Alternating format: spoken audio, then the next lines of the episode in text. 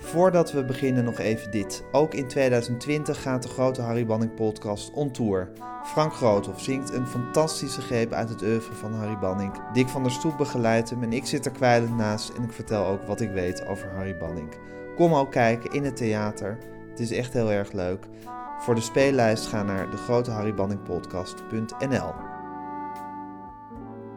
Dit is de 25e aflevering van de grote Harry Banning podcast. Wopke Wilmink werd geboren in 1948 en was lerares in het basisonderwijs toen ze op 7 december 1977 in restaurant Piet de Leeuw in de Noorderstraat in Amsterdam Willem Wilmink ontmoette. Wopke en Willem werden elkaars grote liefde, trouwden en bleven getrouwd tot Willems dood in 2003. Willem Wilmink en Harry Banning zijn allebei geboren in Enschede. Begin jaren 70 begonnen ze samen te werken en uiteindelijk heeft die samenwerking geleid tot een ongekend imposant oeuvre aan liedjes. De een nog mooier dan de ander. Wopke Wilming, goedemorgen. Goedemorgen. Bedankt dat je me eh, wilde ontvangen in je huis. Je bent de weduwe van Willem Wilming.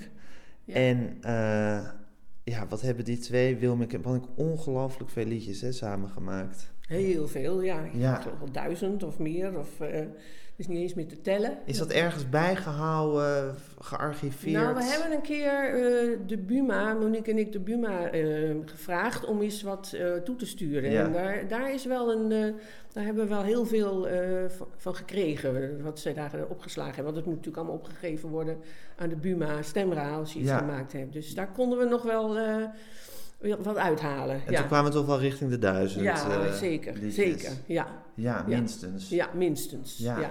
Ongelooflijk. Hielden ze van elkaar, die twee? Ja, tenminste, ja, zeker Willem op, eh, van Harry. Dat, eh, en, eh, maar ik denk ook, ze voelden elkaar natuurlijk ook wel aan doordat ze allebei van die tukkers waren. Ja, dat zegt iedereen, hè? Enschedeërs, die Ja, twee. het is toch een, ik heb natuurlijk zelf eh 13 jaar gewoond. Ja, Als want Willem is op het eind van zijn leven teruggegaan naar Enschede. Ja, die had wat lastige periodes achter de rug. En die had toen zoiets. Eerst had hij nog de twijfel van zal ik weer teruggaan naar Amsterdam. Daar heeft hij ook nog een, paar, een half jaar eh, op kamers gewoond, zeg maar. In ons huwelijk. En, eh, maar uiteindelijk werd het toch eh, Enschede. Dus Ja. vandaar dat wij daar toen naartoe zijn Ja, vertrokken. hij wilde zijn vertrouwde gevoel weer terug. Ja, want wij, hij, we hebben toen ook nog een, zo'n soort klein arbeidershuisje gekocht in de Javastraat, waar hij ook geboren is. Ja, En eh, met, met het idee van oké, dan gaat Willem daar vier dagen in de week zitten en dan de rest komt hij weer naar Zeist, waar wij toen eh, woonden. ja. Maar ja, Willem, die, eh, er stond een, een bank als eerste en een kratje duvel en ik hoorde hem alleen nog maar zeggen zo. En dat was het. Hij is nooit meer weggegaan daar. Nee? Dus, nee.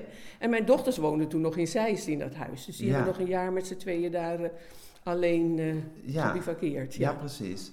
En dat, En- dus, maar toen heb je dus Enschede leren kennen, als Ja. Amsterdamse. ja. Wa- Wat, wat, wat is dat voor een...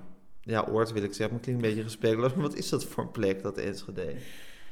Ja, dat is. Ik heb natuurlijk. Ik was met Willem. En Ja. Willem was daar natuurlijk een soort van Een beroemdheid. soort in. Ja, dus ik eh, heb daar eigenlijk wel een leuke tijd gehad, omdat we overal werden uitgenodigd. We kregen meteen een seizoenskaart voor FC Twente en eh, dat soort dingen. Dus daar ging ik ook, ging ook altijd samen iedere 14 dagen naartoe, in het oude stadion nog. Ja, dat was natuurlijk een hele leuke tijd. En, ehm, maar en, ja, de Tukkers is toch een heel ander volk dan de Amsterdammers. Dus dat eh, was af en toe wel eens lastig. Ja. Hoe zou je ze omschrijven? Mm, Ja, als toch wel afwachtend. En eh, ik weet nog wel, ik ging toen, toen ik in Amsterdam woonde vaak naar de Albert Kuip of zo. Nou, dan kom je en dan, hé meisje, wil je nog wat lekkers? En weet je dat? En dan verwachten ze ook van jou een leuk antwoord terug. En dan kom je op de markt in Enschede en dat is eh, heel eh, rustig. Hè? Dus dan wil die, maar dat wordt niet een grapje gemaakt of zo. Dat, uiteindelijk wel, want Willem, die, eh, ik moest altijd iedere dag twee haringen halen en een pakje Noordsteed. Dus met die mensen kreeg ik uiteindelijk dan wel een soort van eh, band. Ja. Als je maar dag in dag uit twee haringen kan, kan, kan- kwam Ja. kopen, dan kwam er enig contact dan op. kwam er wel eh, contact, want dan werden ze toch wel nieuwsgierig van eh, hm, hoe zit dat? Ja, precies. ja. Maar ze zijn afwachtend. Ze zijn heel afwachtend. Ja. Ja. Ja. Ja. En zo waren Harry en Willem misschien ook van nature. Een beetje. Mm, ja. Waren ze echte tukkers? Bedoel, gedroegen zich als echte tukkers? Nee, nee, dat vind Nee? ik niet. Nee, maar dat komt natuurlijk. Ze zijn allebei eh, Uitgevlogen. uitgevlogen naar het westen. Ja. Hè? En dat is natuurlijk ook hun grote geluk geweest. Want daardoor zijn ze ook zo ver gekomen als ze zijn gekomen. Ja. Want er zijn natuurlijk ook mensen die dat niet aandurven of niet willen. En die blijven dan in Twente hangen. En Ja. dat, eh, ja, dan heb je toch minder kansen om eh, opgemerkt te worden. Dat Ja. is nou eenmaal zo. Ja. Maar ze begrepen elkaar. Ze begrepen elkaar helemaal. Ja, Ja. ja. Hadden ze maar twee woorden nodig, of nog maar een blik nodig om elkaar eh, te doorzien. Ja, en, Ja. eh, en, en zoveel. Ze hadden eigenlijk als ze werkten niet eh, fysiek contact of visueel of wat dan ook, maar ehm, ze begrepen ook de, het metrum van de taal. Dus Willem schreef dan een, een gedicht en Harry, die, die kon ook ontzettend goed teksten lezen, die maakte daar dan vrij snel vaak een hele mooie melodie eh, op. Ja. En omdat dat klopte gewoon. Die twee hadden hetzelfde eh, taaltje in hun hoofd, zou ik Ja. maar zeggen. Ja. Ja. Ja. Ik weet wel dat eh, ze hebben eens een keer, we hadden we een- met, hoe heet die, ehm, die nog net overleden is. Cabaretier. Helmo- Henk Elsing. Henk Elsing, hè, sorry. ja. Henk Elsing. Ook uit die contraien, toch? Niet? Ja, die komt Ja. daar ook Ja. vandaan. En ehm, Harry Banning en Willem. En dan waren we met, met de vrouwen we waren bij Henk Elsing eh, aan het eten, gingen we eten. En die drie mannen gingen dus eigenlijk de hele avond plat Enschede's praten. Nou ja, daar verstaan wij natuurlijk helemaal niets van. Maar ik weet nog dat de moeder van Henk Elsing dat helemaal niet kon waarderen. Want Oh, die was er ook. dus ja, dan moet je net die mannen hebben. Dan gaan ze gewoon door. Ja, precies. Maar dat is echt eh, dat, een onverstaanbaar iets. Ja. ja. Ja, dus er was iets in hun karakter en in hun taal van eh, Harry en Willem... wat gewoon perfect op elkaar Ja. aansloot. Ja, zeker. En wat mij opvalt is toch vaak de hele diepe eh, melancholie... die, die Willem natuurlijk in zijn teksten had... Ja. die Harry ook heel erg wist te... Op te roepen met Op zijn, roepen ja, met zijn melodieën. Ja, ja, ja dat, dat voelde hij gewoon aan. En het mooie is dat Willem, die schreef dan tekst, dan had hij zelf al een soort van melodie in zijn hoofd. Mhm. En hij zei, het was zo vaak dat eh, dan hoorde ik de melodie van Harry en dat, dat klopte dan met mijn melodie. Ja. Ik bedoel niet dat Willem goed kon componeren, maar hij had dan een bepaald metrum of wat dan ook. eh, Precies. Het was nooit dat hij dacht van... nou, die- hier snap ik helemaal niks van wat hij nu heeft, erbij heeft Nee, gemaakt. nee. Nee. Dus dat liep eigenlijk altijd zo gesmeerd met die Ja. twee, dat eh, Willem ook wel eens een grapje wilde uithalen. En dat is bijvoorbeeld een lied, dat heet Sander. ja. En het gaat over een blinde jongen die dan verliefd is en eh, eh, die dan zo'n meisje wil leren kennen, Ja. ook lichamelijk. En dan heeft hij dan één regel in die niet helemaal in dat metrum klopt. En niks gezegd, opgestuurd naar Harry. En nou, de volgende dag Harry, wat heb je godverdomme nou gedaan? Er klopt helemaal niks van. Meteen, dat was niet, eh, dat had hij meteen in de gaten. Dat Harry. had hij meteen Ja. gehad. Ja. Ja, want Willem was, want Harry hield eigenlijk heel erg van dichters die, die, die nogal ametrisch dichten, omdat hij dan allemaal op moest lossen. Dat vond hij leuk. Maar Willem was juist bekend omdat hij eh, altijd helemaal perfect in het metrum Ja, dichtte. ja, ja. Ja. En die zin ging, ging dan van, ah, en als je wat verdwaald mocht wezen, Ja. en dat, dat was net iets langer. En dat, klopt niet, zei Harry. Ja, maar dat is toch, die jongen is verdwaald, zei Willem dan. Dus dat eh, heb ik expres gedaan. Nou ja, daar kwam die natuurlijk weer helemaal goed uit. Ja, precies. Harry, dat, eh, ja, Ja. dat is een heel mooi lied geworden, ja.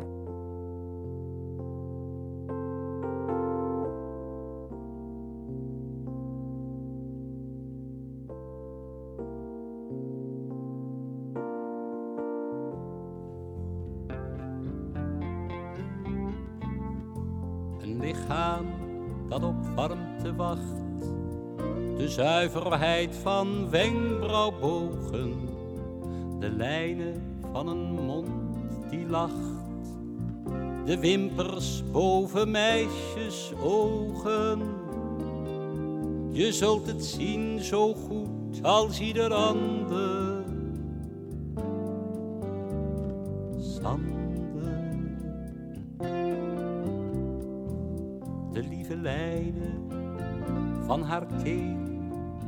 De witte parels van haar handen. Je zult het zien in het gestreel van je twee fijn besnaarde handen. Je zult het zien zo goed als ieder ander.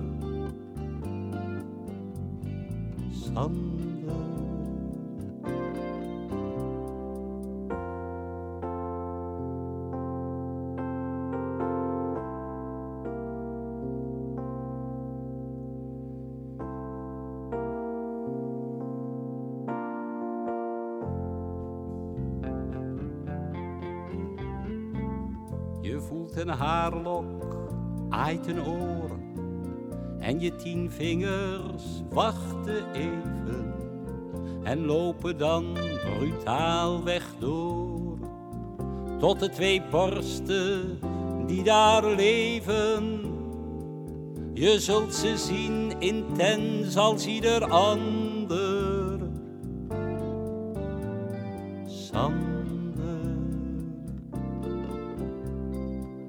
En als je wat verdwaald mocht wezen en niet meer weet waar je moet gaan, dan moet je het braille-schrift maar lezen. Rondom de tepels die daar staan. Je kent dat eigenlijk veel beter dan een ander. Sander. Met je twee handen en je mond krijg je een antwoord op je dromen, tot je die kleine driehoek vond. Die woning waar je thuis kunt komen en waar je één kunt worden met die ander.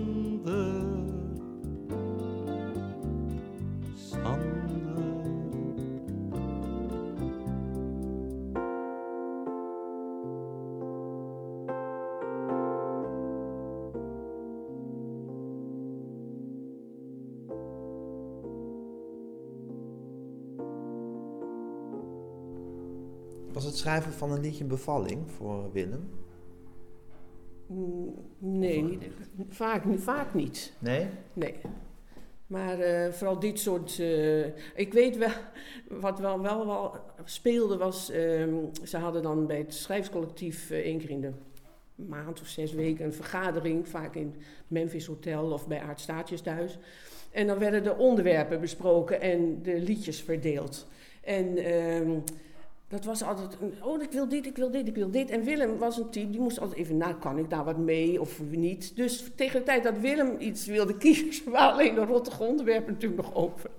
Dus hij kreeg dan bijvoorbeeld het ehm, megatransport. Nou, Ja. ga daar eens een leuk liedje over maken. Dus dan kwam die godverdomme thuis, megatransport, moet ik daar in vredesnaam mee? Nou fijn, dus op een gegeven moment zaten we in de tuin en eh, hij rookte natuurlijk straf en hij gooit die peuk op de grond en ziet daar meteen allerlei mieren op afkomen. En die gaan met die peuk aan de haal. Ja, Dus heeft hij zijn onderwerp. fantastisch. Ja. Twee mieren vonden een peuk. Dat vonden ze hartstikke leuk. De ene zei, weet je wat? We nemen hem mee naar de stad. We zetten hem daar overeind. Als nationaal monument.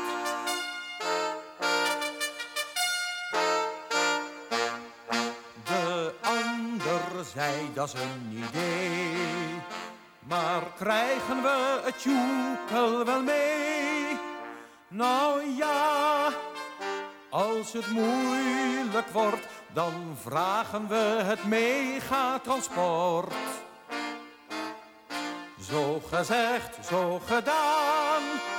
Het megatransport kwam eraan.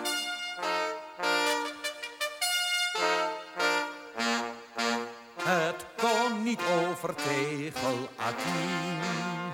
Daar had men een takje gezien. De kon daar niet overheen. Dus moest hij langs tegel A1.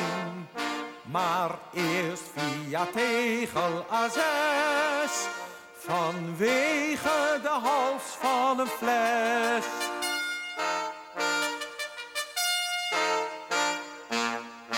Een mier was civiel ingenieur en stelde de rest niet teleur. Hij was het die het weggetje vond naar hun stadje onder de grond. Daar staat nu die peuk op zijn kop met een tekst van een dichter erop. Ik weet wel dat, dat Willem ook altijd een van zijn lievelingsnummers vond, was ehm, Zingende Kinderen. Ja, die is ook zo Dat, mooi. eh, dat slaat ook wel erg op hem hoor. maar- Waarom slaat het erg op hem? Nou, dat, die melancholie die eh, daarin voorkomt. En, eh, en hij heeft dat, die zingende kinderen, dat heeft hij ook gehoord toen wij net in de Javenstraat woonden.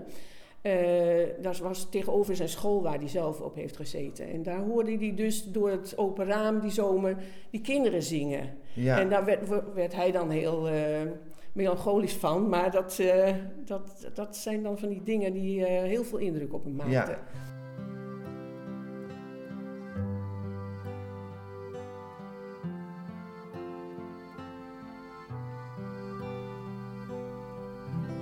Ik wou dat ik genieten kon, zoals andere mensen doen. Van een wandeling in de zomerzon, van een bank in het plantsoen. Maar van zo'n bankje krijg ik jicht. En wandelen maakt me stijf. En ik zoek in ieder vergezicht naar een horecabedrijf.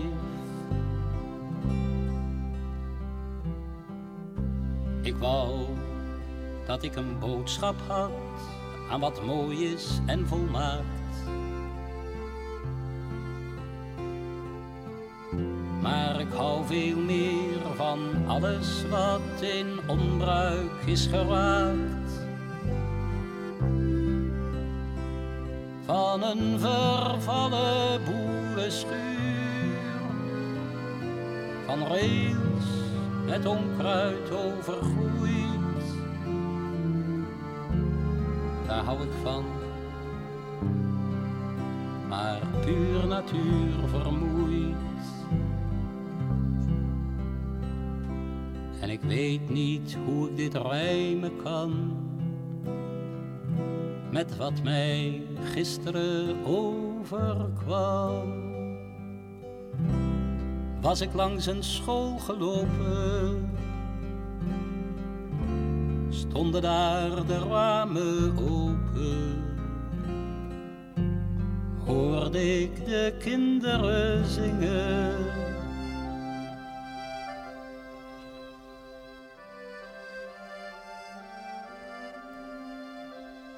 Kon mijn tranen, lang vergeten tranen, niet bedwingen. Je zat bij werk elke zin heel instemmend te knikken en ja te zeggen, Ja. Want het is allemaal precies zoals Willem was. Ja, en, eh, want we, Willem hield ook niet zo van natuur, om maar zo te zeggen. Dus dan wilde ik wel eens een keer eh, Twente in en een stuk wandelen. En dan zei hij altijd, ja, geen onaangelengde natuur alsjeblieft. dus dan moesten we altijd eindigen in Opmarsen. Maar dan hadden we een soort stamcafé. Ja. En dan eh, wilde hij wel even een eentje wandelen. Maar ja. dat, Als het eh, naar een café ging, dan, was, dan was het wel dan was het eh, prima. ja. ja, En ik wou dat ik genieten kon, die eerste zin. Ja, Ja. Dat, dat past ook helemaal bij hem. Ja. Dat, dat, dat, zit, dat zat wel gewoon helemaal in zijn, in zijn leven hoor. Dat hij niet echt. Ja, ja, niet echt genieten kon van dingen. Het, eh, er zat altijd iets achter van, ja, het is wel goed, straks is het weer helemaal anders. Maar dat komt natuurlijk ook wel door zijn oorlogservaring. Ja, zat wat iets diep jongetje. fatalistisch in hem. ja, Ja, ja, zeker. Ja. ja. Had hij veel, eh, hield hij van zijn eigen liedjes, van zijn eigen gedichten? Ja, volgens mij, ja, over het algemeen wel. Zeker als Hardy natuurlijk weer een prachtige muziek erop had Ja. gemaakt. Dat, eh, ja, dat Ja, was maar je ik wel vraag dat ook omdat iedereen die ik spreek over die tijd en over al die, dat schrijverscollectief en al die liedjes en klokhuis en zo. Het was echt zo van, Willem, dat was de koning, zou ik maar zeggen. Dat, die, daar, daar, die bewonderden ze allemaal zo intens. Ja, ja. Eh, had hij, was hij zelf ook tevreden of werd, werd hij door diepe onzekerheid geplaagd over zijn eigen werk? Of zag je ook wel dat, dat hij heel goed was? Nou, hij, ehm, hij had wel zoiets van. Dat, prima hoor dat ze dat allemaal zeggen, maar het was, lag ook altijd lastig in dat schrijverscollectief. Waarom? Een soort jaloezie was er wel. Toen ik hem net leerde kennen, dus dat is al in, zal dan begin 78 geweest zijn, weet ik nog, ik weet niet eens waar het over ging hoor, maar dat twee mensen van het collectief Willem nog stonden uit te voeteren. En dat ging dan gewoon weer om dat Willem uitverkoren was door Frans Boelen om aan een serie mee te werken en dat hij eh, dubbel betaald werd, wat absoluut niet het geval is geweest. Nee, precies. En eh, dus dan was Willem helemaal ongelukkig. En Ja. eh, dus dan. Er waren wel veel apenrots kwesties daar ook. Zeker, Ja. ja. En dat moet ik al zo lachen, want dan, Willem vertelde wel, Harry zat dan ook vaak bij dat soort ruzies. Ja. En op een gegeven moment dan was het Harry genoeg en dan riep hij, jongens, het is maar amusement.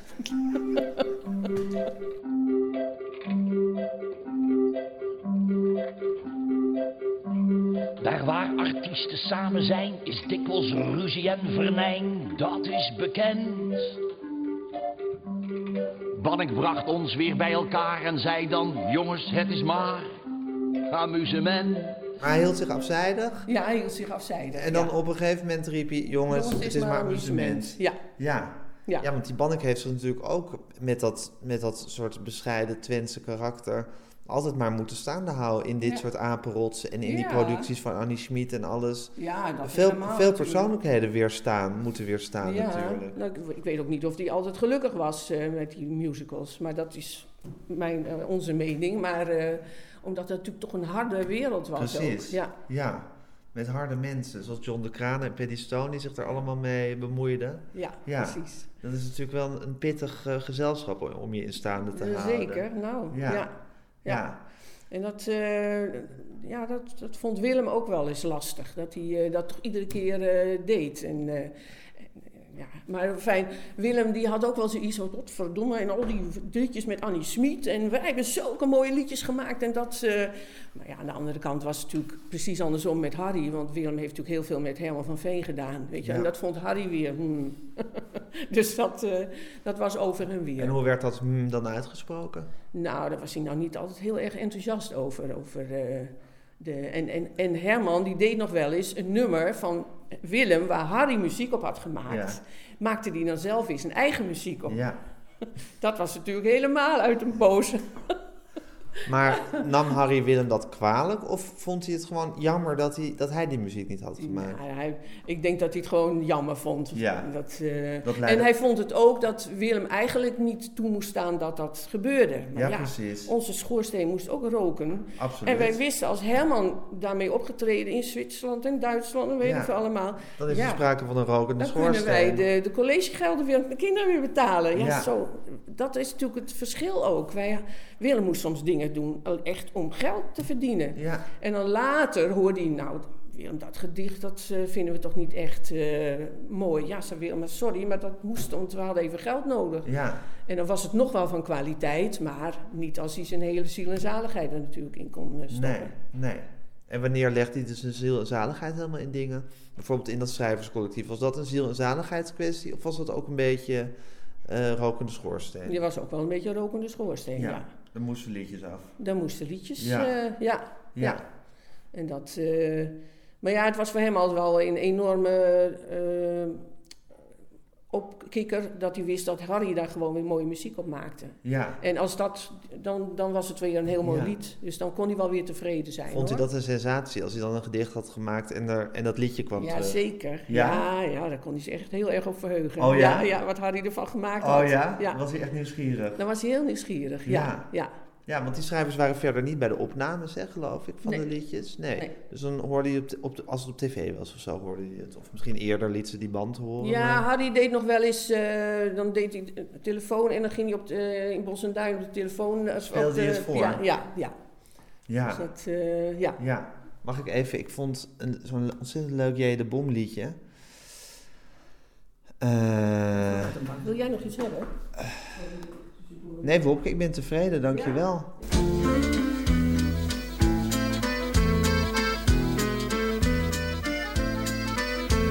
Ze komt niet meer, ze komt niet meer. Nu blijft het altijd zonder weer. Nu is het hier een tranendal, waar nooit de zon meer schijnen zal. Zo heb ik nog een keer gewacht. Ik was misschien een jaar of acht. En toen beloofde een vreemde vrouw dat haar dochtertje bij me spelen zou. Het was een meisje, lief en klein. Ze zou om twee uur bij me zijn. En toen die middag heen ging, heb ik zacht gehuild in de schemering. Ze komt niet meer, ze komt niet meer. Nu blijft het altijd somber weer. Nu is het hier een tranendal waar nooit de zon meer schijnen zal. Hij noemde mij zijn zomerbruid. Ik maakte de verkering uit. Drie weken rust, heb ik gezegd. Na dat oponthoud komt het weer terecht. Nu kijkt hij s'avonds naar de maan. Hij roept dat hemellichaam aan. Hij roept al 23 jaar.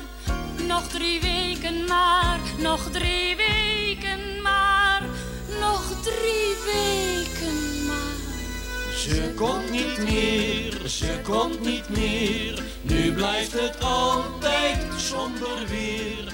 Nu is het hier een tranendal waar nooit de zon meer schijnen zal.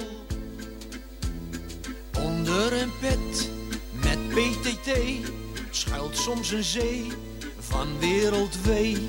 Ik had een liefje zo charmant als een postzegel uit Somaliland. Een postbesteller uit Ozaan is er met haar vandoor gegaan en brengt met haar de stukken rond. Daarom zing ik nu met een bittere mond. Ze komt niet meer, ze komt niet meer. Nu blijft het altijd somber weer. Nu is het hier een tranendal waar nooit de zon meer schijnen zal.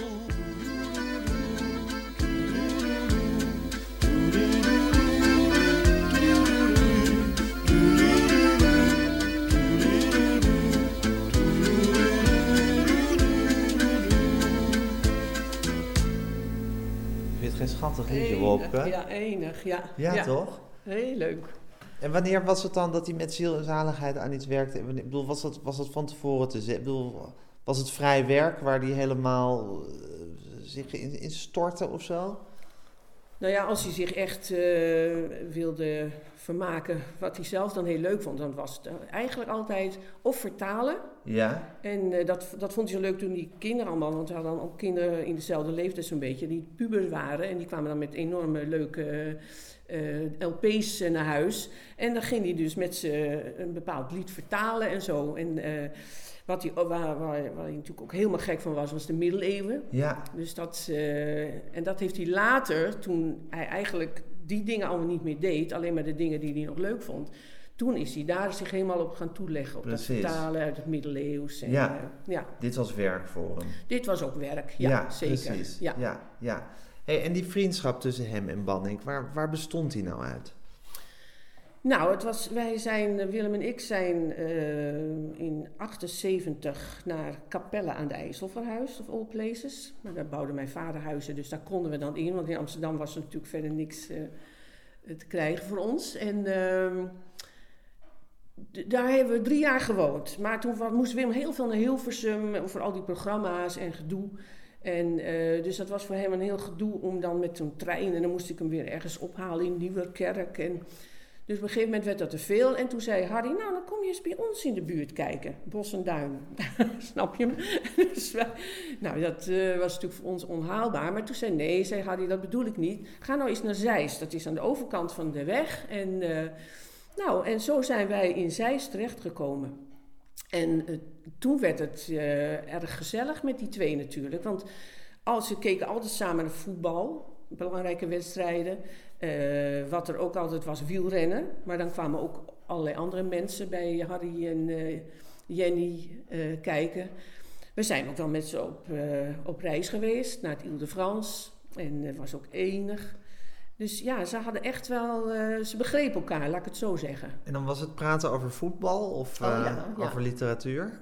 Ja, ook over literatuur. Ook over literatuur, maar ja. veel over voetbal. Ja, maar ik was daar nooit... Jenny en ik waren daar eigenlijk nooit bij. Ze waren dan altijd lekker met z'n tweeën. Oké. Ja. Ze gingen dan met z'n tweeën een beetje op pad. En, Nee, eh, bij hun in huis, maar Jenny Oh, had haar dingen en ik eh, bleef thuis. En dan haalde ik hem s'avonds weer op. En Ja, dan, eh, precies. hadden ze een enige dag gehad. maar ze konden gewoon lekker kwebbelen met z'n tweeën. Ze konden heel erg lekker kwebbelen. En ze konden ook samen dus wel heel goed werken. Want ik kan me herinneren, toen wij woonden nog niet zo lang in Enschede.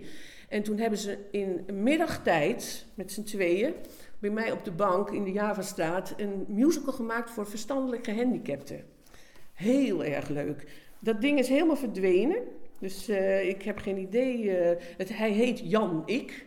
Zo is de titel. Misschien Joost heeft dat ook nog ingezongen. Maar misschien dat hij het nog heeft. Maar wij kunnen het niet meer vinden. Maar dat hebben hebben toen ze... in de middag een musical Ja. gemaakt. Ja, voor verstandelijk gehandicapten. Jezus. Ja. Want Bannik werkte natuurlijk legendarisch snel. Maar Willem kon, dus, kon ook heel snel werken. ja hoor, die kon heel snel werken. Dat was ook Ja. niet van dagen schaven en ploeteren en weet ik veel wat. Nee, nee ik, weet, ik weet wel dat er eh, mensen waren, bijvoorbeeld Willem Nijholt, die, nou, die wilde ook iets een keer voor een eh, show. Toen woonde nog in, eh Enschede, in Zeist. En toen, Willem die is toen, gaat dan op zolder zitten met zo iemand, met, dan met Willem of Willem Nijholt. En dan gaan ze aan de gang, hè. En dan op een gegeven moment zie je die, zie je die gasten die er dan zijn, strompelend naar beneden, helemaal in wit. Want Willem weet dan ook niet meer van ophouden. En die ziet ook eigenlijk niet meer wie naast me zit. Oh nee? Dus die is al werkend en en vloekend is hij dan aan het typen en zo. En Nijholt die kwam helemaal pips uit, van die de kwam- zolder Die af. was blij dat hij beneden thee kreeg. Ja, En dan hoorde hij, Willem, naar boven! Weet je, dan moest hij weer naar boven. Had hij helemaal geen, eh, geen trek meer in natuurlijk. ja. Maar dat was Willem. Hij zag dan niet meer. Hij raakte in een soort trance. Ja, precies. In een werktrance. Ja, ja. En wij woonden toen in een hele nette buurt in Zeist. Ja. Een christelijke buurt, zullen we maar zeggen. Ja. En, eh, en Willem had dan het zolderraam open. En nou ja, dat heb je misschien wel meer gehoord. Als Willem werkte, dan werd de godverdommers... godverdomme, ja. Dus dat schalde dan over onze christelijke Zeisterwijk. Enfin, ze hebben ons wel geaccepteerd hoor. Nou, eh, De kunstenaar. De kunstenaar aan het werk, dachten ze waarschijnlijk. ja, en er kwam nog wel eens een televisieploeg. Dus dat vonden ze allemaal heel, Ja, heel, precies. heel, heel Ja. Maar er werd veel godverdomme gezegd eh, door Willem. ja dat Ja. was wel een soort... ja. eh, Was Harry eigenlijk ook een godverdomme nee, zeggen? Nee, nee, nee, nee, nee, absoluut niet. Nee, Harry was wat dat betreft eh, Keurig. veel, veel netter. Ja, Ja. ja. Ja. Precies. Bij, bij, bij, bij, Willem een soort, soort, soort drift, geloof ik wel, altijd Ja, onder alles zeker. zat. Was het bij Harry volstrekt gelijkmatig, hè? ja.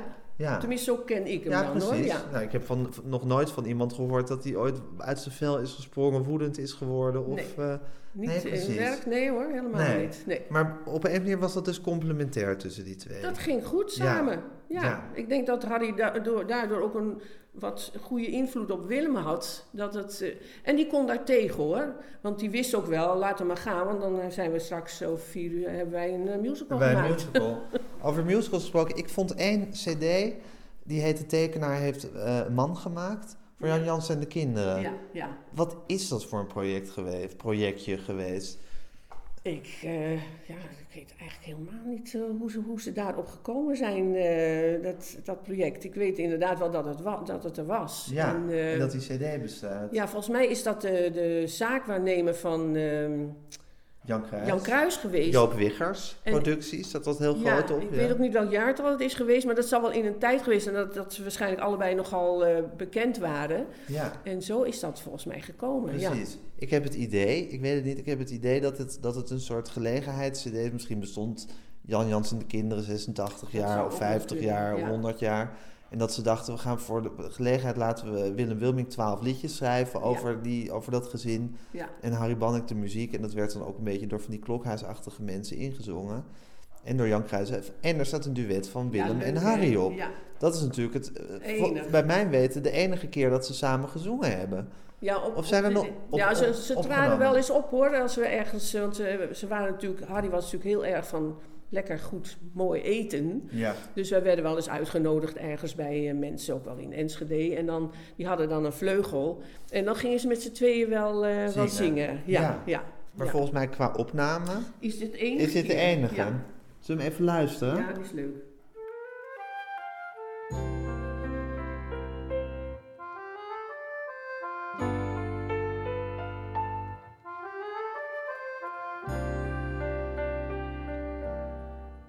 Heb een schelpje gekocht van een welpje, een kind van de padvinderij.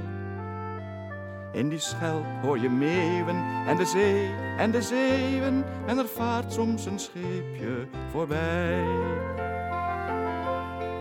Op mijn bureautje ligt een cadeautje, wat zullen we daar eens mee doen? Misschien, heel misschien, krijg jij het cadeautje als het uit is met Jeroen. Ik vond een knikker, daarin zit een kikker. En soms is het net of hij kwaakt. Daar heb ik met een doosje en een lint en een roosje een bijzonder mooi pak van gemaakt. Op mijn bureautje ligt een cadeautje. Wat zullen we daar eens mee doen? Misschien, heel misschien, krijg jij het cadeautje Als het uit is met Jeroen. Een Amstelveener kwam langs een container en gooide zijn koelkast erin. Hij zit barstens vol deuken, maar is toch voor haar keuken wel een aardig romantisch begin. Op mijn bureautje ligt een cadeautje. Wat zullen we daar eens mee doen? Misschien, heel misschien, krijg jij het cadeautje als het uit is met Jeroen. Misschien, heel misschien, krijg jij het cadeautje als het uit is met. Leuk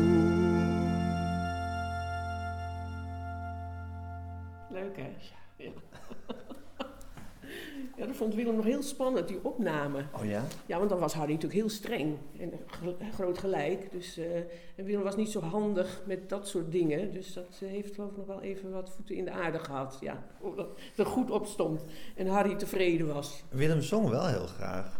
Ja, hij heeft ook verschillende eigen programma's eh, Ja. gehad. Ja. Ja. Ja. vond hij heel leuk. Ja. Maar hij was er onhandig in, zeg je? Of dat was, Nou, met dat soort opnames. Ja, ja. Je moet alles natuurlijk precies. ja, en op dat, tijd eh, invallen Ja, en dat, eh, daar was hij niet, niet goed in, nee. Maar hij hield van zingen. Ja, hij vond het enig om eh, te zingen. En, ja, en met zijn eh, accordeon. met zijn accordeon. En altijd als ik bijvoorbeeld, hij deed op de oude school, dat, maar dat heeft, hoe heet het, Donkey Shocking natuurlijk ook, Ja. Pieter van Empelom. Maar hij zong altijd de melodie van, Van Harry. Harry. Ja, die heb ik hier. Zullen we die even doen? En dan zei hij, ging hij zichzelf begeleiden met de accordeon. En dan altijd zei hij, ja, ik probeer het, maar het, is al, het lijkt altijd zo eenvoudig wat Harry doet, maar het is niet te doen. Dus dan had hij een eigen versie gemaakt. eh. Precies. maar altijd wel Harry Bannings. Ja. En, eh, Zijn melodie. Ja. Die vond, ja, want het, het liedje is ook beroemd geworden inderdaad van Donkey Shocking. Ja. Heeft het net een andere melodie. Ach, zou die school er nog wel zijn, kastanjebomen op het plein, de zware deur. Platen van ridders met een kruis en van Goejan verwelle sluis, geheel in kleur. Die mooie school, daar stond je met een pas gejatte sigaret in het fietsenrek. Daar nam je bibberig en scheel en van ellende groen en geel opnieuw een trek. En als de meester jarig was, werd het rumoerig in de klas en zat je daar. En je verwachtte zo direct een uiterst boeiend knaleffect, de klapsigaar. Je speelde in een schooltoernooi en het begin was wondermooi, fijn voetbal weer. Je kreeg met 10-1 op je smoel, de kleine keeper in zijn doel, hij weende zeer. De najaarsblaren op de grond, daar stapte je zo fijn in rond, de school voorbij. En winters was de kachel heet. En als je daar dan sneeuw in smeet, dan siste hij. Het moet er allemaal nog zijn, de deur, de bomen en het plein, de grote heg. Alleen die mooie lichte plaat, waarop een kleine Dessa staat, is misschien weg.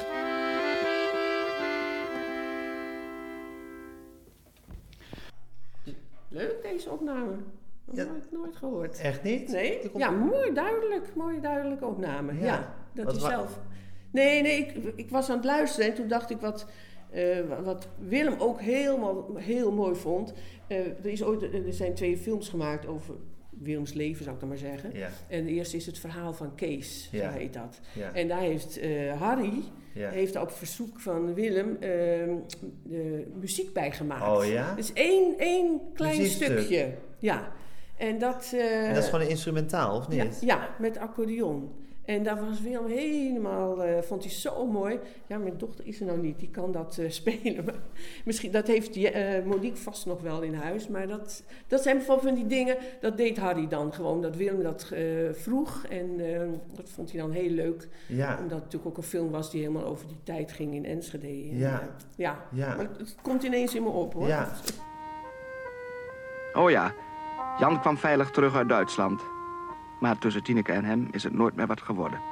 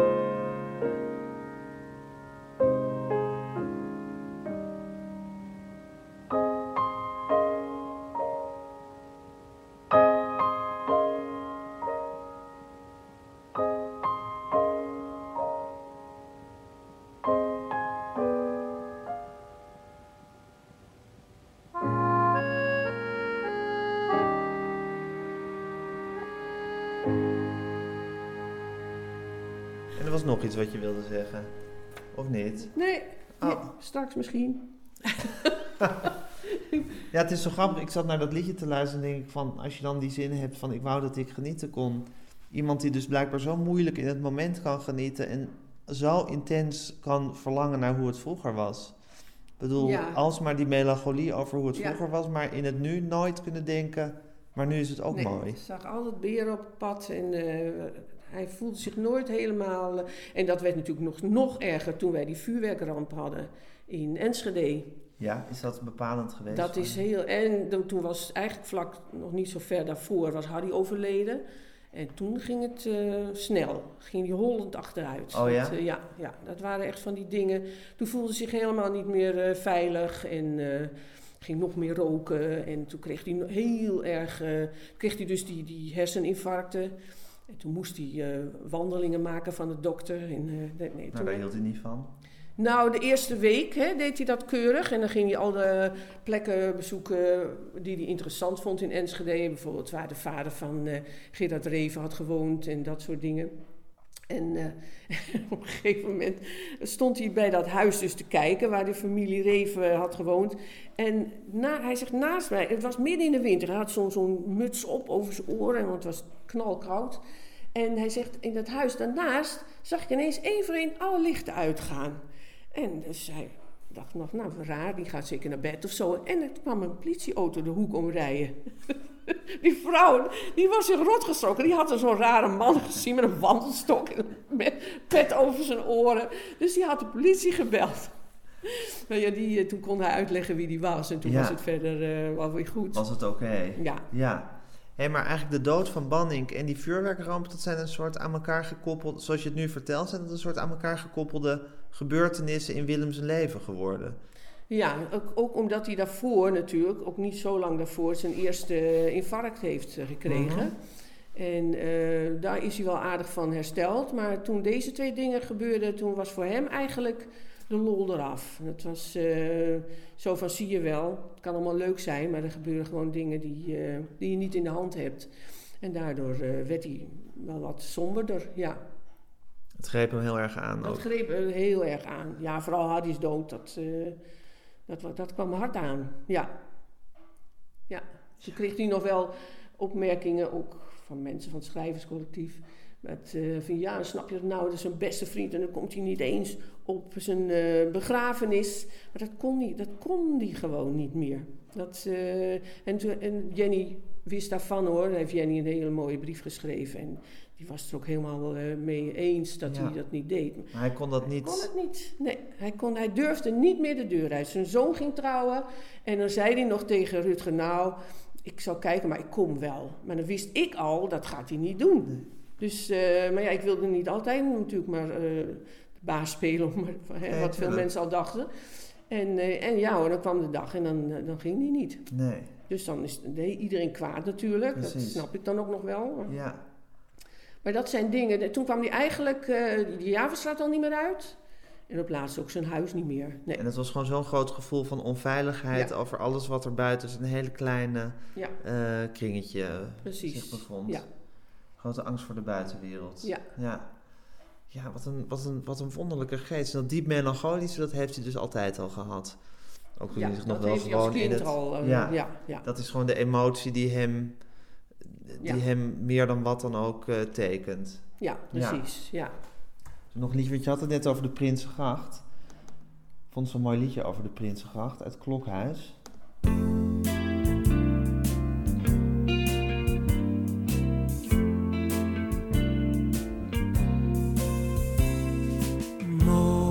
Mooi, zo eeuwig mooi is toch de Prinsengracht.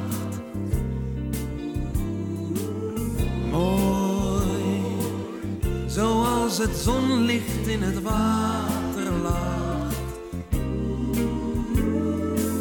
Mooi, maar ook wat droef is de herinnering hoe ik mezelf daar op mijn wandeling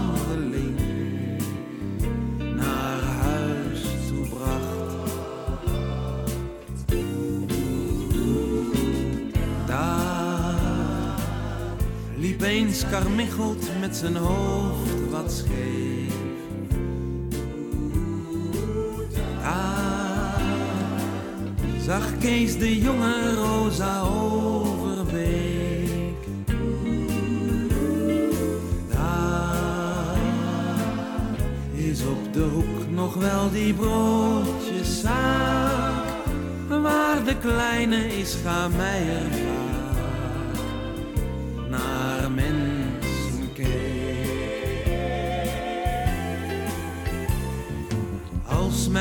het water tot de lippen kwam, als ik dan die wandeling weer ondernam, als ik dan die oude Westertoren zag, dacht ik morgen is er weer een dag. Hoog klonk er een liedje in de lentezon.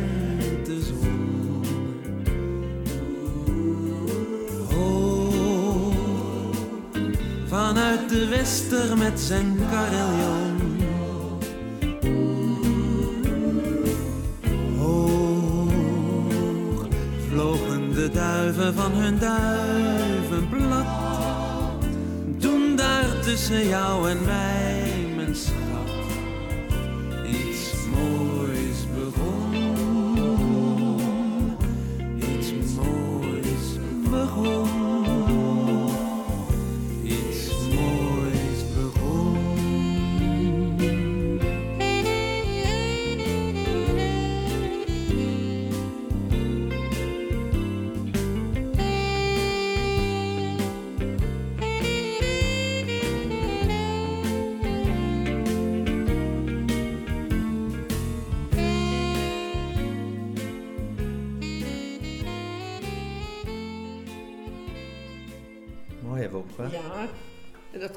helemaal natuurlijk. Daar heb ik Willem leren kennen. op de Het gaat over jullie. Ja, dat eh, helemaal. En ook en de kinderen hij ging ook veel wandelen daar in die buurt. Dat vond hij een heerlijke buurt. En eh, wij kon, voordat we elkaar kenden, woonden we allebei op, hij in de Vleriestraat en ik op de Koninginnenweg. Kennen we elkaar nog niet. Maar dat, daar kom ik al niet graag meer en hij ook niet. En dat noemde hij altijd ons tranendal. Maar eh, de Prinsengracht, en eh, daar was hij helemaal, helemaal gek van. Ik heb nog dat ik, eh, als ik met de jongens eh, afspreek in eh, Amsterdam, dan gaan we altijd bij Kalkhoven zitten. Dat was dan zijn lievelings, met uitzicht op de Wester, zijn lievelingscafé. Ja. Dus daar gaan wij, zitten we dan nog altijd lekker aan de duvel. Wat geweldig, Ja. om aan Willem te denken. Ja, ja. precies, ja. Ja. Ja, daar heeft, hij, daar heeft hij een hele fijne periode. Eerst natuurlijk met zijn eerste vrouw. Ja. Daarna zijn zij dus naar Tranendal gegaan. En Amsterdam-Zuid, is, Ja. dat, is met, dat heeft met jullie scheidingen te maken. Dus dat, daarom is het de Tranendal. Ja, ja, ja. En, en met zijn eerste huwelijk natuurlijk. En ook met mijn eerste huwelijk. Ja.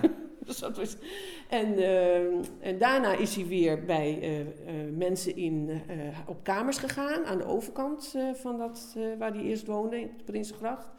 En daar eh, ging het ineens, toen, zei, toen heeft hij wel zelf omschreven, toen was het winter. En toen zag hij eh, op de bevroren eh, gracht, zag hij meisjes met rode wangen. En hij zegt, toen was ik klaar, was ik, alle, alle, alles was over. Dus Ja. toen kon hij ook weer met mensen naar bed, bij wijze van spreken. Ja. Dat, Kon een beetje genieten weer. van het leven Ja. ook. Voor zover hij dat überhaupt dus kon. Ja. Ja. Ja. Precies. En die Prinsgracht is daar het symbool van. Die Dat- Prinsengracht dat is is de plek die daarbij hoort. Ja, Ja. absoluut. Ja. Mo- moest je hem eigenlijk troosten in zijn melancholie? Of moest je hem daar, of moest je hem daar gewoon in laten zwelgen? Ehm, nou, daar hadden we wel op een gegeven moment... Ja, dat, we konden hem wel weer eh, ergens uithalen, hoor. De, dan spreek ik over mijn en mijn, en mijn dochters dan, Ja. die bij ons woonden. En, eh, want hij was ook wel eens in paniek of zo. Of eh, bijvoorbeeld dan eh, zaten we te eten en dan eh, maakte mijn oudste dochter, die nu zelf allemaal liedjes van Willem zingt. En die zei dan, ja, dan ben je puber voor. Ja, Willem, ik vind toch eh, de muziek belangrijker dan de tekst. Godverdomme, werd, ging hij weg, ging hij weg lopen. En we woonden toen in zo'n wijk in, in Zeist waar alle huizen hetzelfde waren en waar alle straten hetzelfde heet. Dus we verdwaalden die. En ik zei, nou jongens, jullie worden bedankt. Dat wordt weer eh, hard werken vanavond. eh. Maar dat wisten die meiden ook. Dus dan ging er één, de jongste, Martine, ging op de uitkijk staan. Hij komt eraan, zei ze dan. En dan zette zij een hele mooie het requiem van Mozart op of zo. En dan kwam Willem binnen en die hoorde dan natuurlijk al die muziek. En dan ging zij, Willem, kan je nou nog eens uitleggen waar het nou precies over gaat in dit stuk? Nou, dan was het klaar. en dan was hij helemaal weer eh, waar hij wezen moest, ja. Ja. Maar zo intens beleefde hij dat. Een opmerking als Ja. ik vind de muziek belangrijker dan de tekst, dat Ja. kon hem totaal van slag Ja, maken. helemaal. Dan ging hij meteen weg. Ja, Dat moet is toch ook wel, Banning en Wilming, allebei, het waren ook wel ongelooflijke puristen, hè? In hoe ze werkten en in wat ze vonden van de dingen en, en de rangorde der dingen met tekst en muziek en hoe belangrijk en hoe je dat allemaal moest doen. Ik bedoel, ja zeker. het was allemaal, het, het deed er wel toe allemaal voor ze. Alles deed er toe. Ja, Ja. Ja. En voor Harry ook, denk ik, hè? Terwijl hij dat op een Volgens heel andere wel. manier Ja. dan Willem, maar die was ook ongelooflijk zuiver in wat hij, in, in vinden hoe het, hoe het moest zijn. Ja, helemaal. Ja. Dat, eh, dat is inderdaad zo, ja. Ja. Was, maar zo, zo was hij natuurlijk helemaal wel. En dat is ook mooi, die biografie eh, van Elsbeth, die, die gaat daar ook een beetje over. Hij, eh, bij- hij was Elsbeth enorm- Etty, die ja. nu de biografie van Willem aan het schrijven ja, is. Ja, Ja, precies. Hij was natuurlijk heel erg. ehm, ik, ja, dat noemden mijn dochters altijd zijn autistische trekjes. zeg maar. Bijvoorbeeld op zijn kamer, zijn werkkamer ook. En dan had ik wel eens een postzegel nodig. En die, die, ik wist, daar in die la bij Willem, daar zitten dan postzegels. Dus dan heel voorzichtig. En hij had altijd in de gaten dat iemand Oh, in ja. zijn la. Want het lag allemaal zo precies zoals het moest liggen. Maar hij was heel netjes ook. Hij was heel- Hij was niet chaotisch. Nee, zeker niet. Nee, in die dingen niet. Nee, oh, dat ik stel me zo iemand voor met een heel vol bureau met Oh, sigarettenkeuken en rommel. Nee, absoluut Oh niet. nee, dat was allemaal heel geordend en keurig. Ja, en hij raakte bijvoorbeeld ook in, in een lichte paniek. Hij had zo'n oude wetse typemachine. Die hadden ooit bij de Hilversumse politie gekocht. Want hij wist, daar ram, kunnen ze erop rammen. Ja.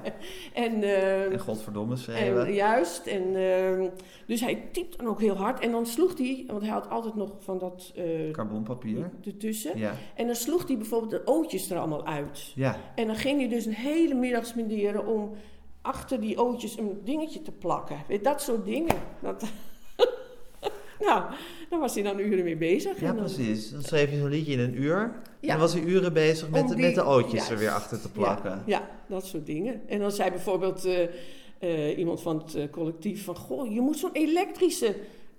dat is veel beter. Dat is netjes. nou, daar wilde hij absoluut niet aan beginnen. Verdomme. ja, precies. dat wist hij ook vanzelf. Zoveel zelfkennis had hij wel. Dat wordt helemaal niks. Nee, precies. Nee. Moest gewoon op de manier die hij kende en zo Ja. moest het zijn en Ja, dan ging het. Niets veranderen. Veranderen, daar werd hij helemaal eh, panisch van. Ja, precies. En dat schrijven, dat ging eigenlijk altijd wel. Ik bedoel, het was nooit zo dat hij dacht, nou, ik kan nu echt helemaal, er komt helemaal niks meer. Nee, heeft- ik kan ik me niet herinneren dat hij dat Nee. ooit heeft gehad. Nou, dat zou Nee. ik vast nog wel geweten hebben. Dat zou ik wel geweten hebben, ja. Hij was ook heel... eh, alles was precies afgemeten. Hij stond dan eh, nooit voor 12 uur 's middags op. Dan ging hij eh, ontbijten dan, en alles doen. En dan om half twee zat hij achter zijn bureau. Tot half zes. En dan zat hij ook achter elkaar te werken. En om half zes kwam hij dan half dood beneden. En ging hij een duveltje halen. En zei, zo, ik heb het weer verdiend. En dan, en dan s'avonds, dan ging hij dingen bedenken.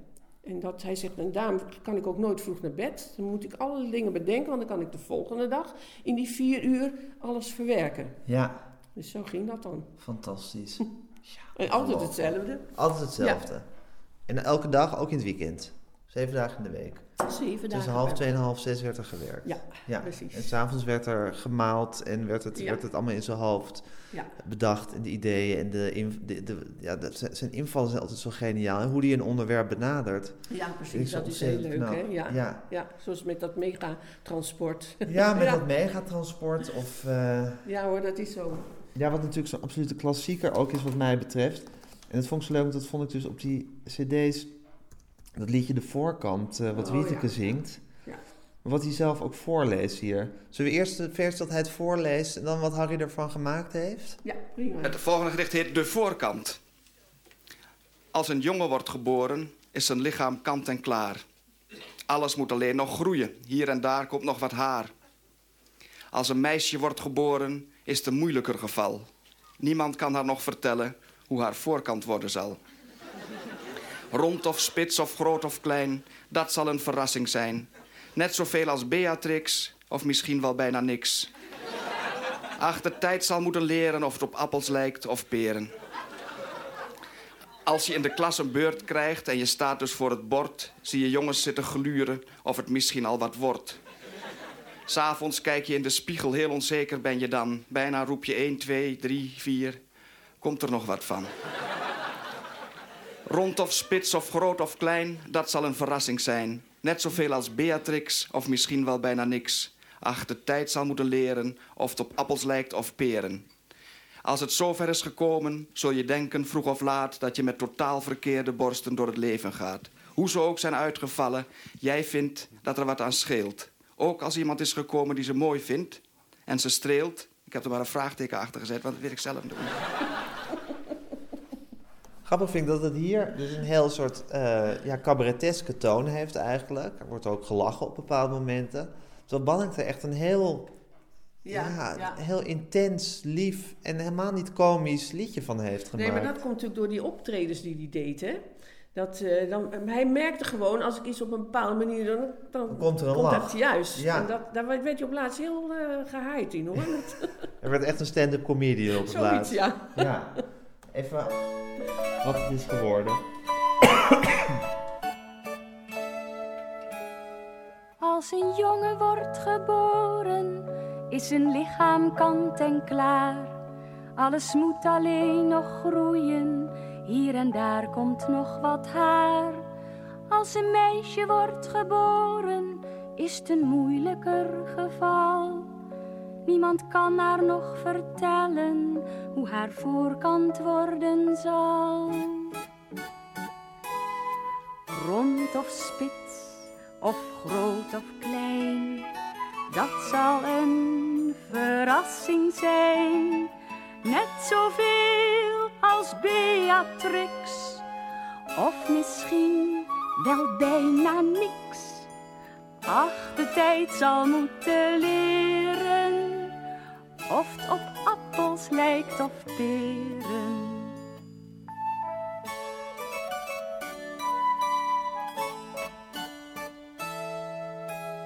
Als je in de klas een beurt krijgt en je staat dus voor het bord, zie je jongens zitten gluren of het misschien al wat wordt. S'avonds kijk je in de spiegel, heel onzeker ben je dan. Bijna roep je 1, 2, 3, 4, komt er nog wat van? Rond of spits, of groot of klein, dat zal een verrassing zijn. Net zoveel als Beatrix, of misschien wel bijna niks. Ach, de tijd zal moeten leren of op appels lijkt of peren.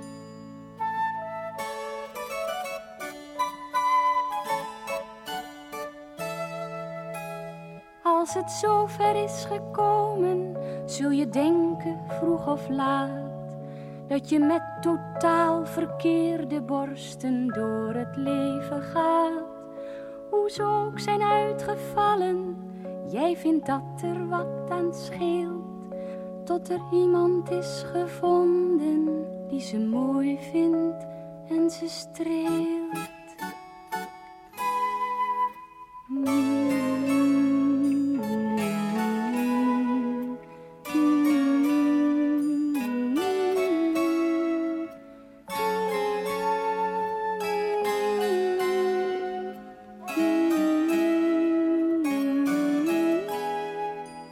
Ach, de tijd zal moeten leren of het op appels lijkt of peren.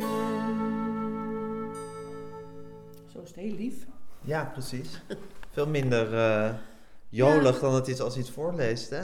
Ja, maar ja, dat krijg je toen met een zaal. Hè? Ja, dat is waar. eh, Dan speel je daarop. Ja, ja. Ja. en dat, eh, hij had nog zo'n gedicht, waar, eh, Echtpaar in de trein. Ja. Dat is ook zo'n gedicht waar iedereen dan, oh ja, zo is het, eh, Ja. eh, op inspeelt. Eh, Ja, precies. Ja, Dat ja was een soort herkenning. Dat gaat dan over een echtpaar ons dan in de trein. Dat de een vooruit rijdt en de ander achteruit. En dat, dat het zo ook in het leven gaat. De vrouw ziet wat gebeuren gaat, terwijl de man die naast haar leeft slechts merkt wat zijn beslag al heeft. Weet Ja. je? Dat zo... Zo'n gedicht is dat. Het is ook zoiets waar mensen dan heel erg op reageren. Ja. ja. Echtpaar in de trein, voor Wopke. Met de allerliefste in een trein kan aangenaam en leerzaam zijn. De prachtig vormgegeven stoel geeft allebei een blij gevoel. Voor het verre rijstoel kant en klaar zit ik dus tegenover haar. De trein maakt zijn vertrouwd geluid en zij rijdt voor, ik achteruit. We zien dezelfde dingen wel, maar ik heel traag en zij heel snel. Zij kijkt tegen de toekomst aan, ik zie wat is voorbij gegaan. Zo is de huwelijkse staat. De vrouw ziet wat gebeuren gaat, terwijl de man die naast haar leeft slechts merkt wat zijn beslag al heeft. Van nieuw begin naar nieuw begin rijdt zij de wijde toekomst in en ik rij het verleden uit en beiden aan dezelfde ruit.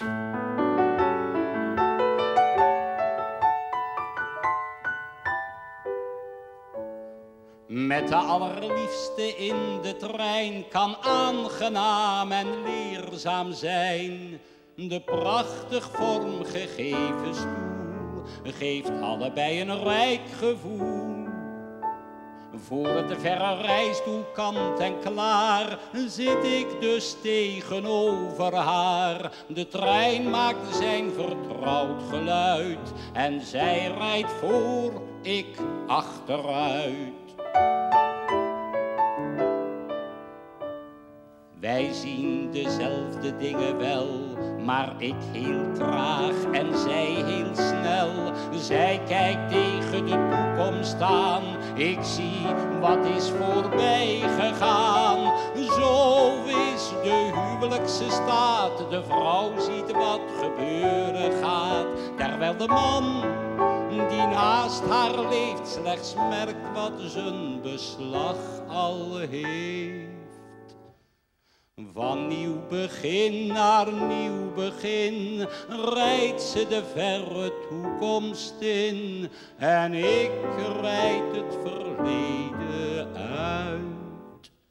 En beide aan dezelfde ruit. Hield hij van die zangers, van, de, van die eh, zo Joost en Aard en Ja, ja hoor, dat vond hij helemaal geweldig. Ja, zeker. Kon het hem schelen wie zijn werk uitvoerde? Was hij daar precies op?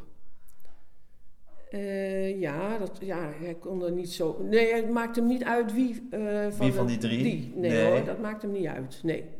Nee, en verder maakt het hem eigenlijk ook niet uit als het maar gewoon de tekst goed... eh, Behandeld werd. Ja, want Gert en Hermine zingen hem. En, en hoe heet ze...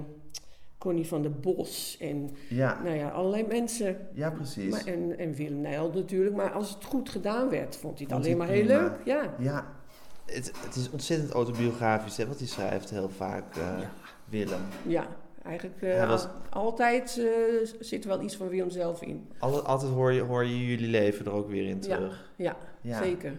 Luister je nog graag naar zijn muziek daardoor? Of vind je het, of naar zijn liedjes? Of is dat ook confronterend? Of? Nee, het is niet confronterend hoor. Ik vind het eh, nu niet meer. In het begin eh, had je zoiets van, nou, even niet. Want iedereen wilde natuurlijk daar wat over weten. Maar nu vind ik het wel leuk om weer eens een dvd te pakken van een interview wat hij heeft eh, gehad of zo. Ja. En dan te kijken. Dat, dat is wel heel erg leuk, ja. Ja. Dat, die herkenning die je dan hebt. Ja. Zullen we nog even eh Freekie, dat is denk ik de grootste hit die hij samen met haar... Nou, hij heeft natuurlijk ook eh, Arm Den Haag met Van Wieteke. Dat is natuurlijk ook wel een Ja. beroemd lied. eh. maar ze hebben niet echt tophits gehad, met, veel tophits gehad met z'n tweeën. Willem en, en Harry. Ze hebben wel eens geprobeerd om een, om een, hoe noem je dat, een smartlap, want Willem was ook echt gek op smartlappen, echt die oude, te maken. En dat, hij heeft toen een serie gemaakt met ehm, de Taalstraat, geloof ik. En de serie seniorenshow en Mhm. zo. Daar hebben ze toen ergens ook een keer een, smartlap in willen. In de hoop van, nou, dat Ja. wordt wat. Maar Nee. kon ze niet. Net zoals Willem ooit eens een pornografisch eh, boek wilde maken. Dat, dat, dat, dat kan ik niet. Dat is Nee. een heel speciaal iets. Dat- is het niet geworden. Nee, dat is niet geworden.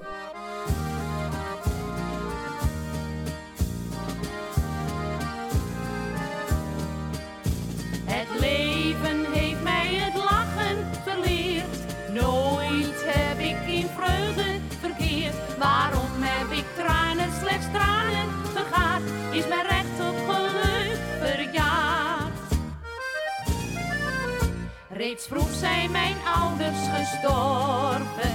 Ik raakte verzeild in de goot. Doch nooit heb ik meelij verworven bij mijn strijd om het dagelijks brood. Toen kwam er een man in mijn leven, die sprak over liefde en trouw. Ik heb hem mijn lichaam gegeven, maar hij liet me staan in de kou. Het leven heeft mij een lachen verleerd, nooit heb ik in vreugde verkeerd. Waarom heb ik tranen, slechts tranen vergaard, is mijn recht op geluk verjaard. Toen heeft mij een ander verkoren, die was als een engel voor mij. Maar had mijn vertrouwen verloren en zo ging geluk me voorbij. Nu rijg ik mijn eenzame dagen als donkere parels aaneen. Zal ooit nog de dag voor me dagen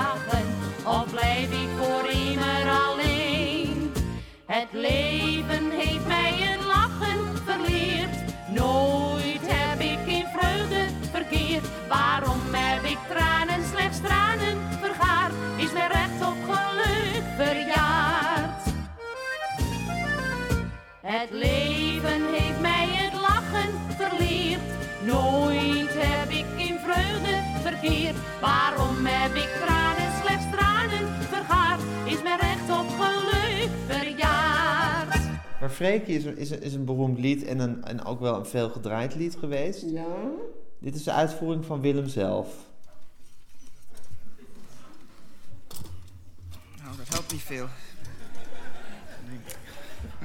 Is een dichter. Zo kan het wel. Nee, laat- dat zakt toch weer in elkaar. Laat die maar. hoor. Ja, kan het zo? Ja hoor. Je ogen zijn nog goed, Willem. Ja.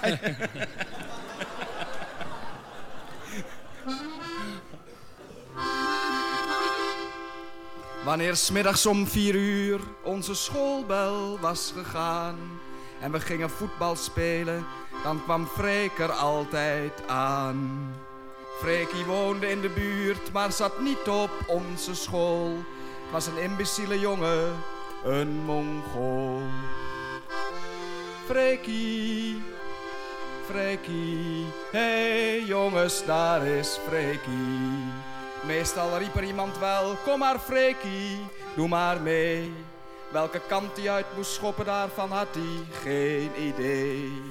Maar we legden soms de bal op twee meter van het doel. En we riepen schieten Freekie, en hij trok een ernstig smoel. Freekie, Freekie, hey jongens, daar is Freekie.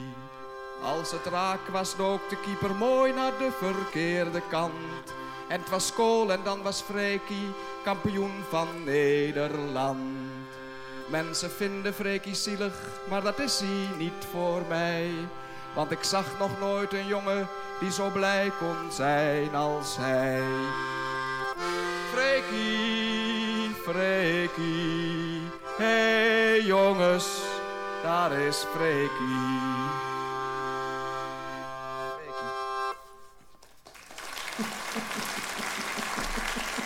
Waar moet je lachen, Bobke? Nou, zo, hup, klaar. Zo was hij altijd blij dat hij het weer gered had op die eh, trekzak. Want dat vond hij ook altijd wel mooi. ehm, dat is ook een beetje autobiografisch. Vooral het eind. ehm, De hel. Ja, Dat- dat, had ik ook nog klaarstaan. Dat eh, vond hij ook een, prettig lied. Ja. Ja, waarom? Nou, omdat het vrolijk is en omdat het. eh, ehm, hij, hij wi- wilde eigenlijk zo zijn als die man die waar die, eh, die, die omschrijft. Hè? En dat was natuurlijk niet zo. Maar, Ja. En die trekzak natuurlijk, want hij vond het altijd maar niks. Maar iedereen wilde altijd dat hij kwam met, die, eh, met zijn accordeon. Ja. Dat was natuurlijk ook heel leuk. Maar, Ja. eh, Maar dit lied gaat over een man bij de hemelpoort die er maar op los heeft geleefd. En, Ja, eh, precies. En zich niet laat... hij mag dan wel naar binnen, ja. maar die accordeon, die laten we staan. accordeon, komt er een accordeon in voor? Ja. Ja? Volgens mij wel, ja. ja.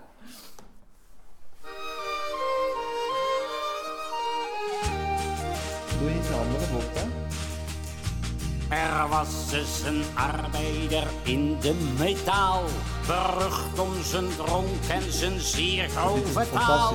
Hij was katholiek, maar sloeg zelden een kruis. Hij logende dikwijls het koninklijk huis. Hij stierf in de armen van een zoveelste vrouw. En toen sprak de Satan, nu hebben wij jou. Jij bent in de hel, en hoe vind je de hel? En die arbeider zei, het bevalt mij hier wel. Die hel met zijn lekkende vlammen brengt mij geen moment in paniek. Dat poken en stoken en roken en smoken, dat is lang niet zo erg als een echte fabriek. De Satan zei kwaad, wat is dit voor een man? Ik pijnig de zondaar zo hard als ik kan. Ik stoot me de pleuris, ik martel me klem. Maar allemaal best nog wat harder van hem. Zo werd onze zondaar de hel uitgegooid. En hij liep naar Petrus, want je weet het maar nooit. En Petrus riep uit, ik vergeef je meneer. Maar zing me dan eerst nog dat liedje een keer. Die hel met zijn lekkende vlammen brengt mij geen moment in paniek. Dat poken en stoken en roken en smoken, dat is lang niet zo erg zijn echte favoriet.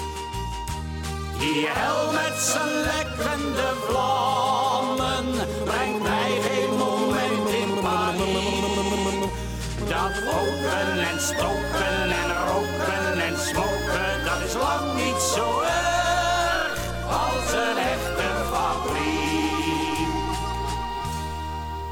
Ja, het is een heerlijk lied, maar er zit het is geen trekzak in. bedoel. Het Nee. is niet wat je bedoelde. Nee, nee, ik kan het ook niet zo gauw vinden.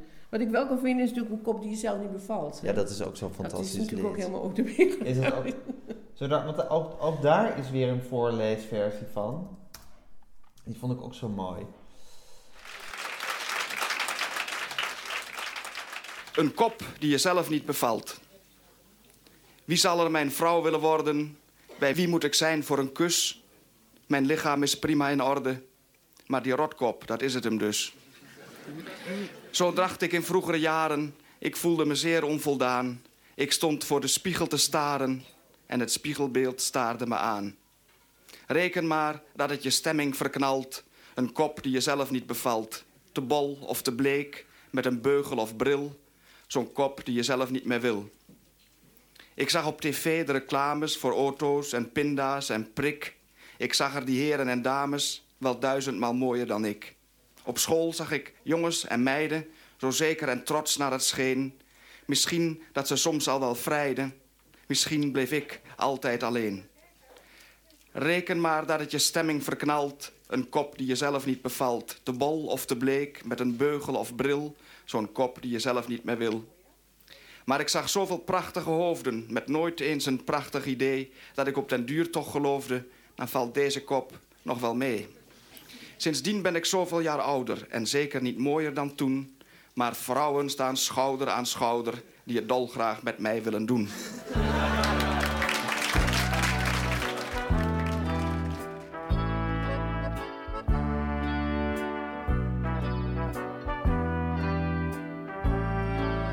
Wie zal er mijn vrouw willen worden?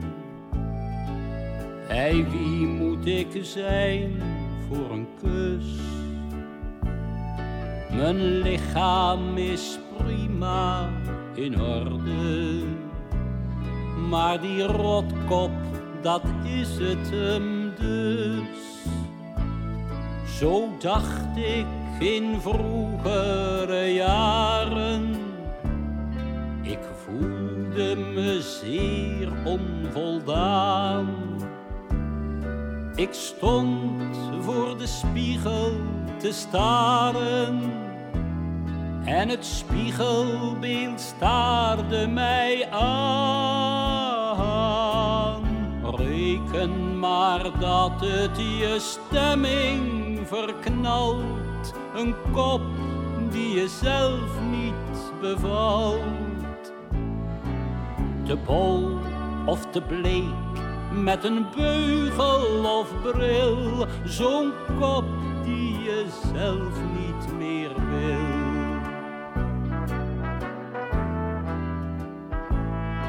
Ik zag op tv de reclames voor auto's en pinda's en prik.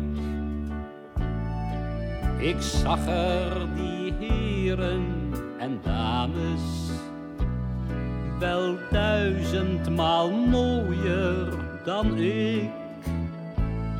Op school zag ik jongens en meiden zo zeker en trots naar het scheen. Misschien dat ze soms al wel vrijden. Misschien bleef ik altijd alleen. Maar dat het je stemming verknalt. Een kop die je zelf niet bevalt te bol of te bleek, met een beugel of bril, zo'n kop die je zelf niet meer wil.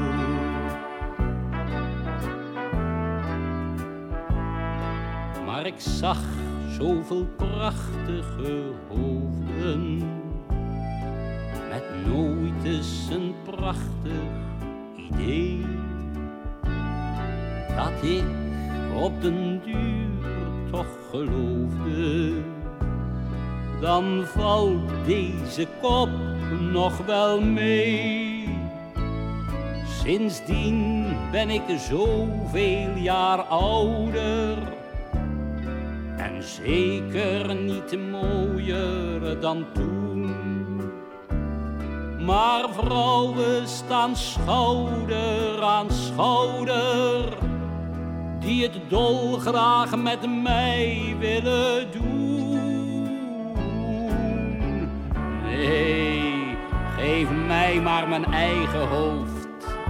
Met mijn eigen gedachten en mijn eigen dromen en mijn eigen fantasie. Reken maar dat het je stemming verknalt. Een kop die je zelf niet bevalt.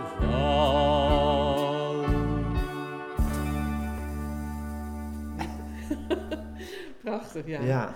Maar dat heeft hij, hij zei, dat heb ik eigenlijk mijn hele leven gehad. Ik, ik was altijd te bleek en te, nou, hij vond zichzelf nooit eh, aantrekkelijk, zullen we maar zeggen. Nee.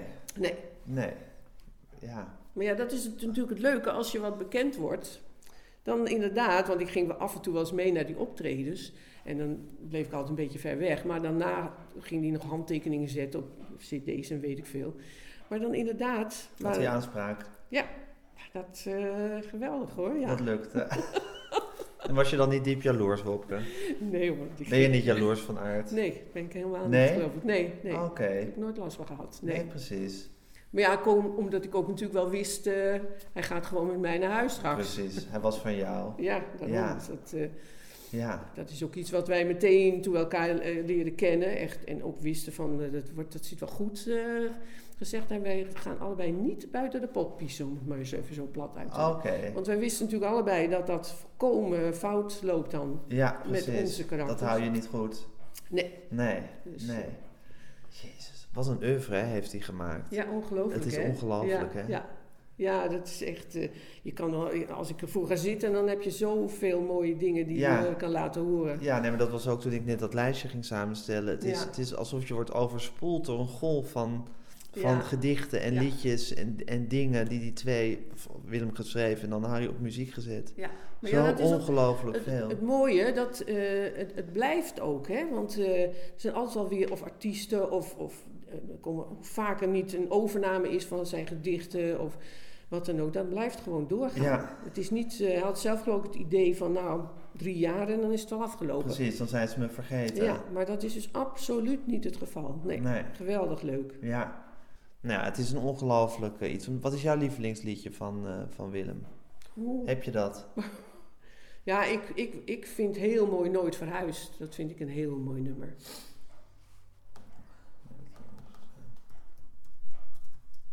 Waarom?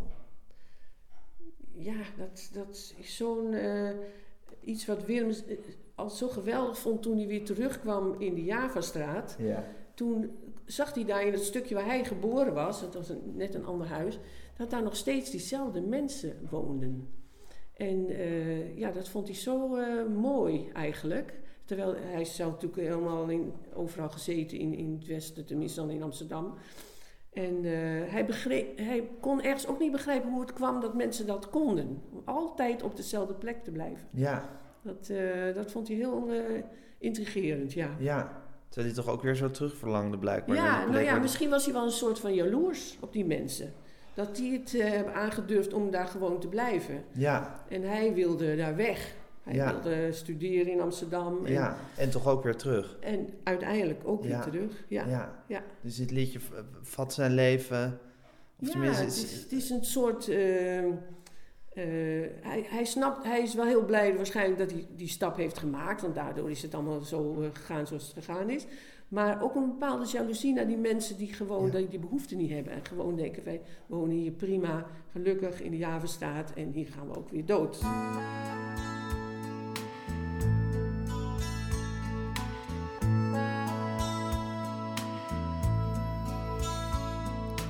Namen in mijn oude straat, bordjes die er altijd waren.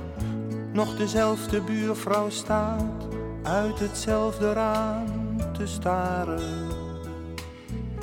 Hoe zijn mensen toch in staat om te blijven alle jaren? Langzaam, langzaam wordt men oud, niet bereister dan de bomen, met steeds meer waar men om rouwt, want de dood is langsgekomen. Zoveel stemmen diep vertrouwd worden nooit meer hier vernomen. Nooit verhuisd, nooit verhuisd. Heel hun lange mensenleven op dezelfde plek gebleven en geen enkele keer verhuisd. Binnen je keukendeur en de keukendeur gaat open. Bijna is daar vaders geur, bijna hoor je hem weer lopen. Het stelt altijd weer teleur. Ook al viel er niets te hopen. Nergens is de kindertijd zo ver weg en zo verloren als waar iemand in der tijd jong was, kind was, werd geboren. En waar de afwezigheid van de doden is te horen. Nooit verhuisd, nooit verhuisd. Heel hun lange mensenleven op dezelfde plek gebleven en geen enkele keer verhuisd.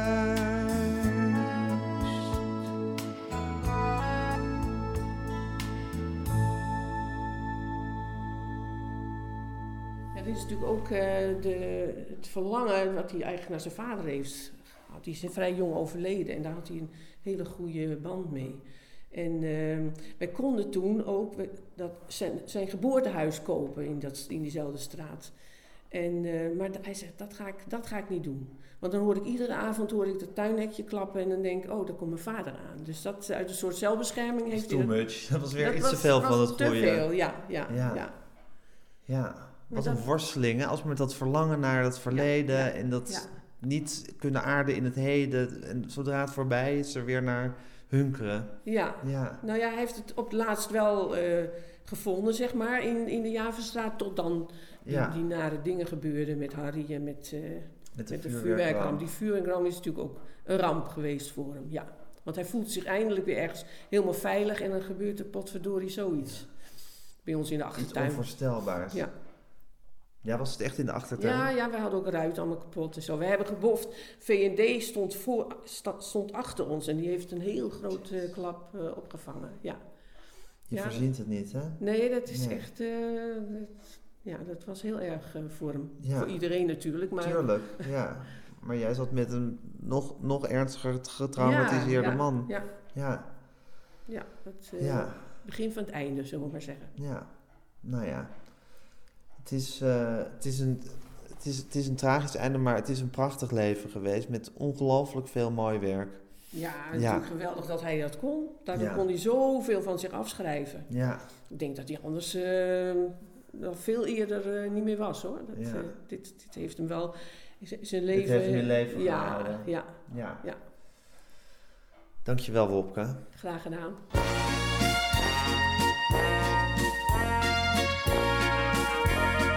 Lang genoeg wacht, zal in Twente bij nacht op een keer de midwinter gewoon horen.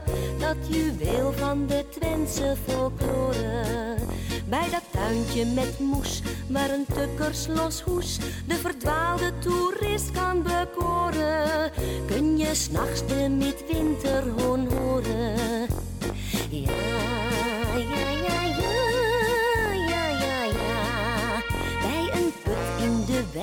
van die pachtboerderij buigt een boer zich wat stijfjes naar voren. En hij laat de midwinterhoorn horen. Als een boer met een pet er zijn zinnen op zet, worden oermelodieën geboren. Die hij boven de welput laat horen. Ja,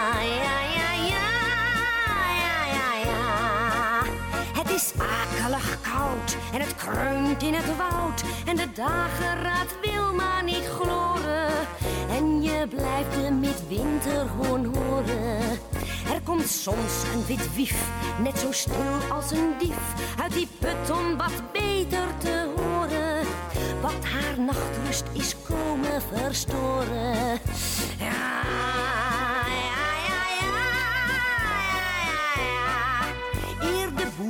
ervan weet, wief hem al beet om zijn klaagzang voor eeuwig te smoren. En zo gaan onze boeren verloren. Ze zijn martelaars van de folklore. Ja.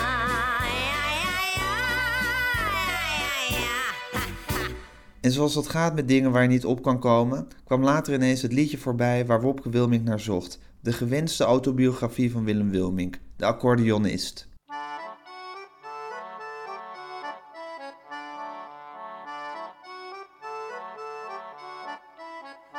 Had zijn huiswerk goed gedaan. En toch kreeg hij een twee. Hij gorde zijn scarlatti aan, die hielp hem steeds uit de puree. Hij speelde slechts in C. Al scheen ook nergens meer de zon, toch speelde hij accordeon zo mooi als hij maar kon. Een psychiater had hij niet, hij nam genoegen met het lied van zijn accordeon. Hij schreef voor menig vrouwspersoon, studentenpoëzie. En kreeg hij enkel spot en hoon, dan speelde hij vol fantasie de roversymfonie. Al scheen ook nergens meer de zon, toch speelde hij accordeon zo mooi als hij maar kon. Een psychiater had hij niet, hij nam genoegen met het lied van zijn accordeon. En toen zijn vrouw niet trouw meer was, verliet hij haar voorgoed. Tezamen met zijn tachtig bas en ook nog twee stel ondergoed. De toekomstige moed. Onder de bruggen van Parijs. Studerend voor Clochard. Vertoefde hij in sneeuw en ijs wel meer dan 88 jaar. Is dat niet wonderbaar? Al scheen ook nergens meer de zon, toch speelde hij accordeon, zo mooi als hij maar kon. Een psychiater had hij niet, hij nam genoegen met het lied van zijn accordeon. Toen kwam hij bij de hemelpoort en klopte spelend aan. En Petrus had hem al gehoord en sprak, jij mag naar binnen gaan. Maar laat die trekzak staan.